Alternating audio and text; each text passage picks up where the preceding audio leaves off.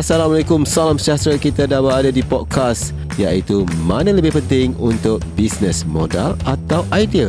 Ha, sebab ramai kadang-kadang ada yang mengatakan modal itu lebih penting dari idea. Ha, dah ada modal baru datang idea. Ataupun idea dulu baru cari modal. Ha, korang pilih lah. Okey, jom kita dengarkan podcast mana lebih penting modal atau idea.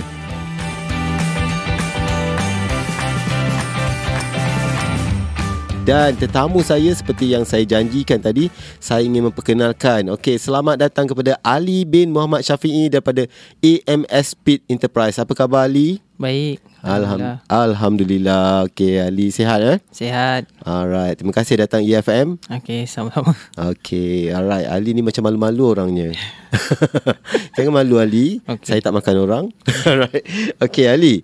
Boleh jelaskan seberingkas apa tu sebenarnya AMS Speed Enterprise? Ah, ni macam speed kelajuan ni. ah, mesti ada berkaitan ah, dengan sesuatu yang laju ni. Okey. Okey, MS Speed Enterprise adalah satu bing, uh, bengkel uh, kenderaan lah. Aha. Okey, uh, kita sekarang ni beroperasi dekat apa dekat sebelah uh, mana bengkel di bengkel sendiri mana di sebelah rumah. Aha. Oh, buat okay, dekat rumah. Okey, start untuk starting lah mungkin insyaallah dalam bulan 6 nanti kita akan pindahkan ke proper bengkel yang yang okey lah. Okey. Nampaknya Alin seorang yang pemalu. Dia tak nak pandang mata saya pun. Dia pandang tegak aja. Cuba pandang saya Ali. Ha, baru kita ada okay. connecting kat situ kan. Ha, right. Kita macam sembang kawan-kawan. Ha, jangan panik, jangan risau. Cool aja. Alright? Okey Ali. Alright. Okey. Berapa lama dah sebenarnya AMS Speed Enterprise ni ataupun bengkel tu sendiri? Okey, uh, sebenarnya uh, MS dah didaftarkan pada tahun 2018. Mm-hmm.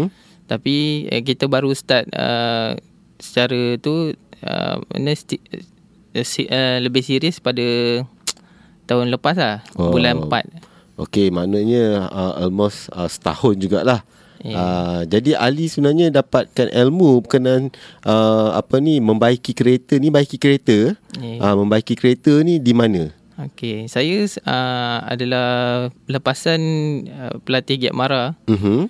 Okey, uh, dapat uh, tahun 2017. Okey, di mana tu Giat Mara mana? Giat Mara Kapal Selangor. Okey, dekat aja lah. Yeah. Ha, saya berjaya dengan kapal tak jauh mana kan? ha, yeah. right. Okey. Berapa lama belajar uh, di Giat Mara Kapal tu? Okey, uh, belajar dekat dekat Giat Mara dalam satu tahun setengah. Hmm, setahun setengah. Okey, selain dapat ilmu uh, berkenaan dengan membaiki kereta ni, ada tak Ali belajar tentang keusahawanan uh, perniagaan tu sendiri?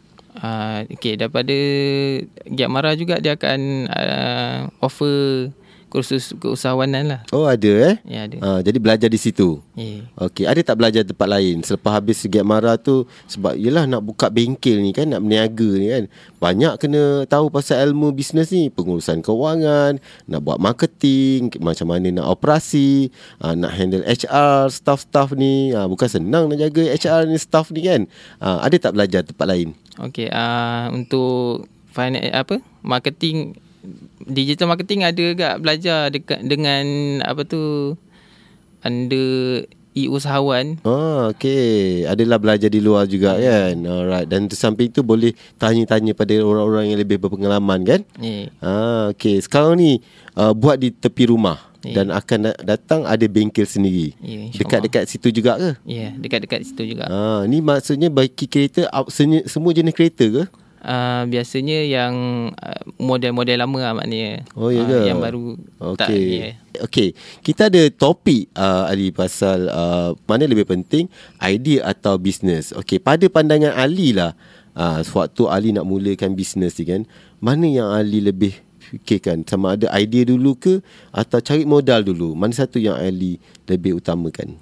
Okay. Bagi saya uh, bisnes dengan idea tu berkait eh okey modal uh, dengan modal dengan uh, idea tu idea tu berkait aha uh, kalau kita tak ada modal uh-huh. kita kita tak boleh nak jalankan juga okay. idea tu uh-huh. tapi uh, uh, okey idea tu penting uh-huh. okey uh, uh. sebab modal tu kita macam untuk bengkel uh-huh. kita boleh minta uh, apa pendahuluan daripada customer lah. Okey, okey. Saya katakanlah saya bagi nombor satu. Katakan, okey, modal, idea, ilmu usahawan. Okey, mana satu nombor satu, ranking nombor satu, dua, tiga yang akan Ali letakkan? Uh, saya rasa idea lah. Idea nombor Idea. satu. Jadi, lepas tu nombor dua, Uh, modal lah. modal. Nombor tiga, bawa ilmu. Eh, saya. Usahawan. Okey, bermakna nombor satu, idea, ba- barulah timbulnya, bila kita timbul idea, barulah buat uh, apa cari modal Eh, saya. dan uh, kemudian baru cari ilmu usahawan. Ya. Alright, itu pendapat Ali. Hmm. Okey, kalau kita ada modal tapi kita tak ada idea. Okey, macam mana kita nak mulakan bisnes tadi tu kan? Nak kembangkan lagi bisnes tu. Ada modal, tak ada idea. Tak ada idea. Duit tu ada tapi tak boleh nak buat bisnes. Tapi tadi tadi Ali kata, okay, idea the first one tapi tak ada modal pula. Macam mana pula kita nak buat bisnes tu? Okey, kalau macam tu saya bagi saya macam kita kena banyakkan apa bergaul dengan orang Mhm. then uh, Ingat kan banyakkan bersabar. okey bergaul dengan orang then uh, kita ni lah, mana kita boleh uh, bertanya mana bertanya kepada orang apa yang kita boleh buat lah mana Apa langkah yang patut kita ambil? Ah, ya. Alright. Dan satu lagi, uh, Ali kan uh, adalah lepasan pelajar Giat Mara. ya Pasti ada geran daripada Giat Mara boleh membantu. Betul tak? betul Ha, itu salah satu sumber modal yang kita boleh cari kan. Walau kita dah ada idea ni.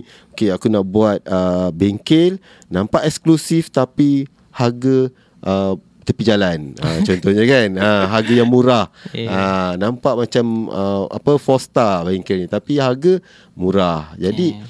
macam mana nak cari modal tu? Mungkin boleh bagi idea yang menarik macam tu kepada Giat Mara untuk bagi grant kan ataupun banyak lagi agensi-agensi lain seperti SIME Corp, PUNB, Mara, Tekun banyak sangat uh, bantuan daripada kerajaan untuk usahawan-usahawan muda seperti Ali ni eh kan Ha, jadi sebenarnya betul lah modal tu sebenarnya memang penting tapi dia bukanlah keutamaan dalam perniagaan tu sebab ramai yang kata memang kena ada idea bila kita dah keluar idea kita dah ada idea bisnes tu secara tak langsung kita akan memotivasikan diri kita untuk mencari peluang-peluang yang lain seperti modal, ilmu bisnes dan sebagainya. Betul? betul Okey, katakanlah kata kita tak ada modal dan kita tak ada idea.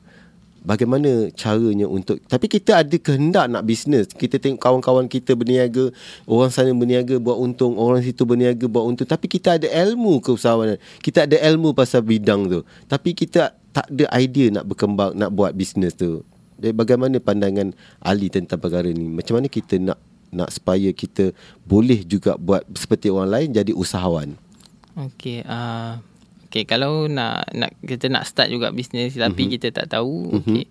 Uh, yang first thing kita kena mana kita kena duduk dekat dalam bidang apa yang kita nak buat tu. Mana Ah. soalan kita kena kerja dululah.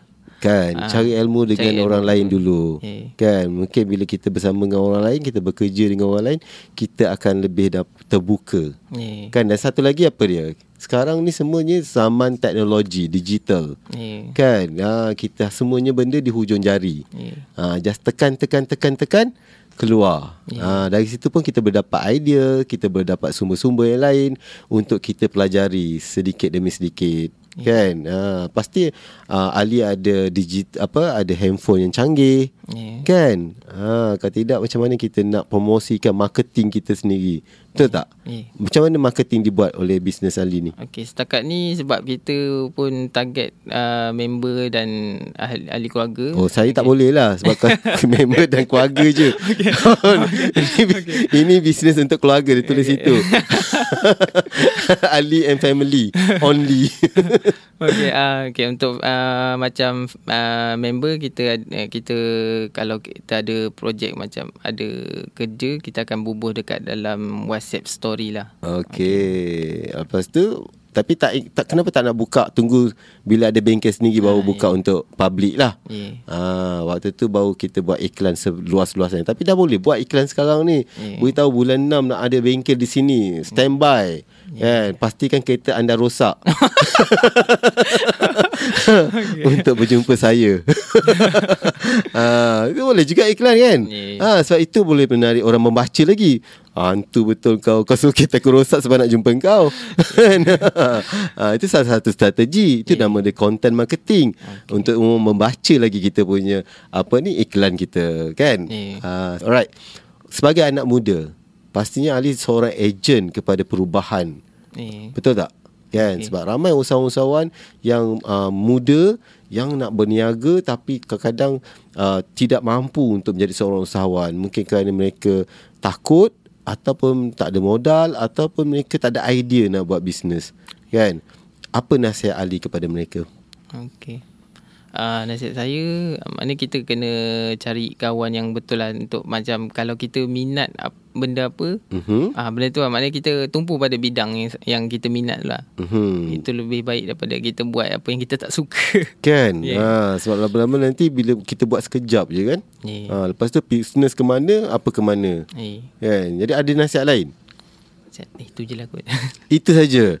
Ha, jadi kepada anda semua, ha, pendengar-pendengar EFM, rakan-rakan usahawan yang apa nak berniaga ke, nak menjadi uh, usahawan seperti Ali ni, dengan nasihat Ali tadi. Kita kena cari rakan-rakan yang positif, kita buat apa yang kita suka, kita tahu apa yang kita dah tentukan dalam bisnes, kita belajar dan teruskan cari ilmu. Sebab ilmu berniaga ni tak pernah habis sampai bila-bila kan? Alright. Okey hala tuju bisnes Ali tadi memang dah plan.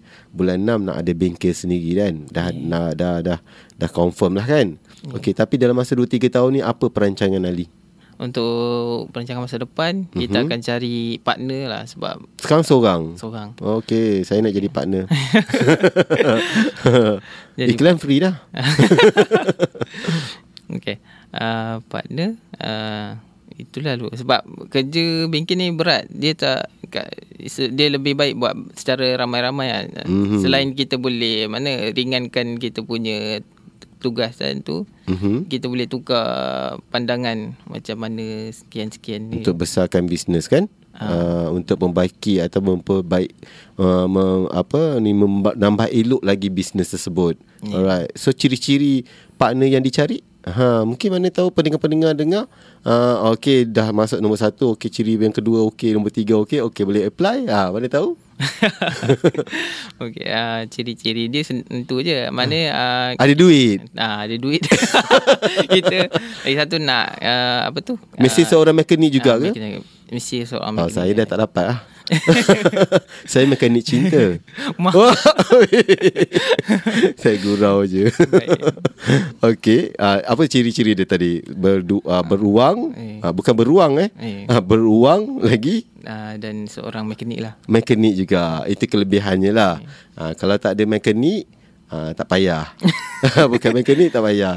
Yeah. Lupakan aja Mana tahu Dia tak mekanik pun Ali Dia mungkin boleh bantu dari segi lain. Yeah. Kan? Idea ke Marketing ke ha, Banyak lagi sebenarnya Sebab bisnes ni luas. Bukannya hanya Membaiki kereta je. Mekanik boleh cari staff. Okay. Betul tak? Yeah. ha, Kalau semua bos nak jadi mekanik Masak Kan? Okay.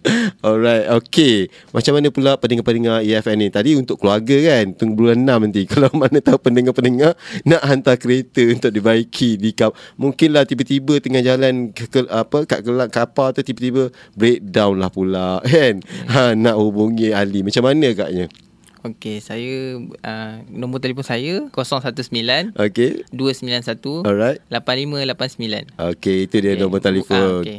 Bukan uh, kalau bukan kata untuk kita nak uh, kita rosak ke apa mana kalau kita nak tanya ke apa-apa ke pun boleh. Boleh, boleh dibantu. Alright. Okey, terima kasih Ali di atas perkongsian tersebut. Uh, banyak ilmu kita kongsikan tadi saya doakan supaya Ali dan bisnesnya pun boleh berkembang maju uh, dan apa saja yang diimpikan akan menjadi kenyataan insyaallah insyaallah amin amin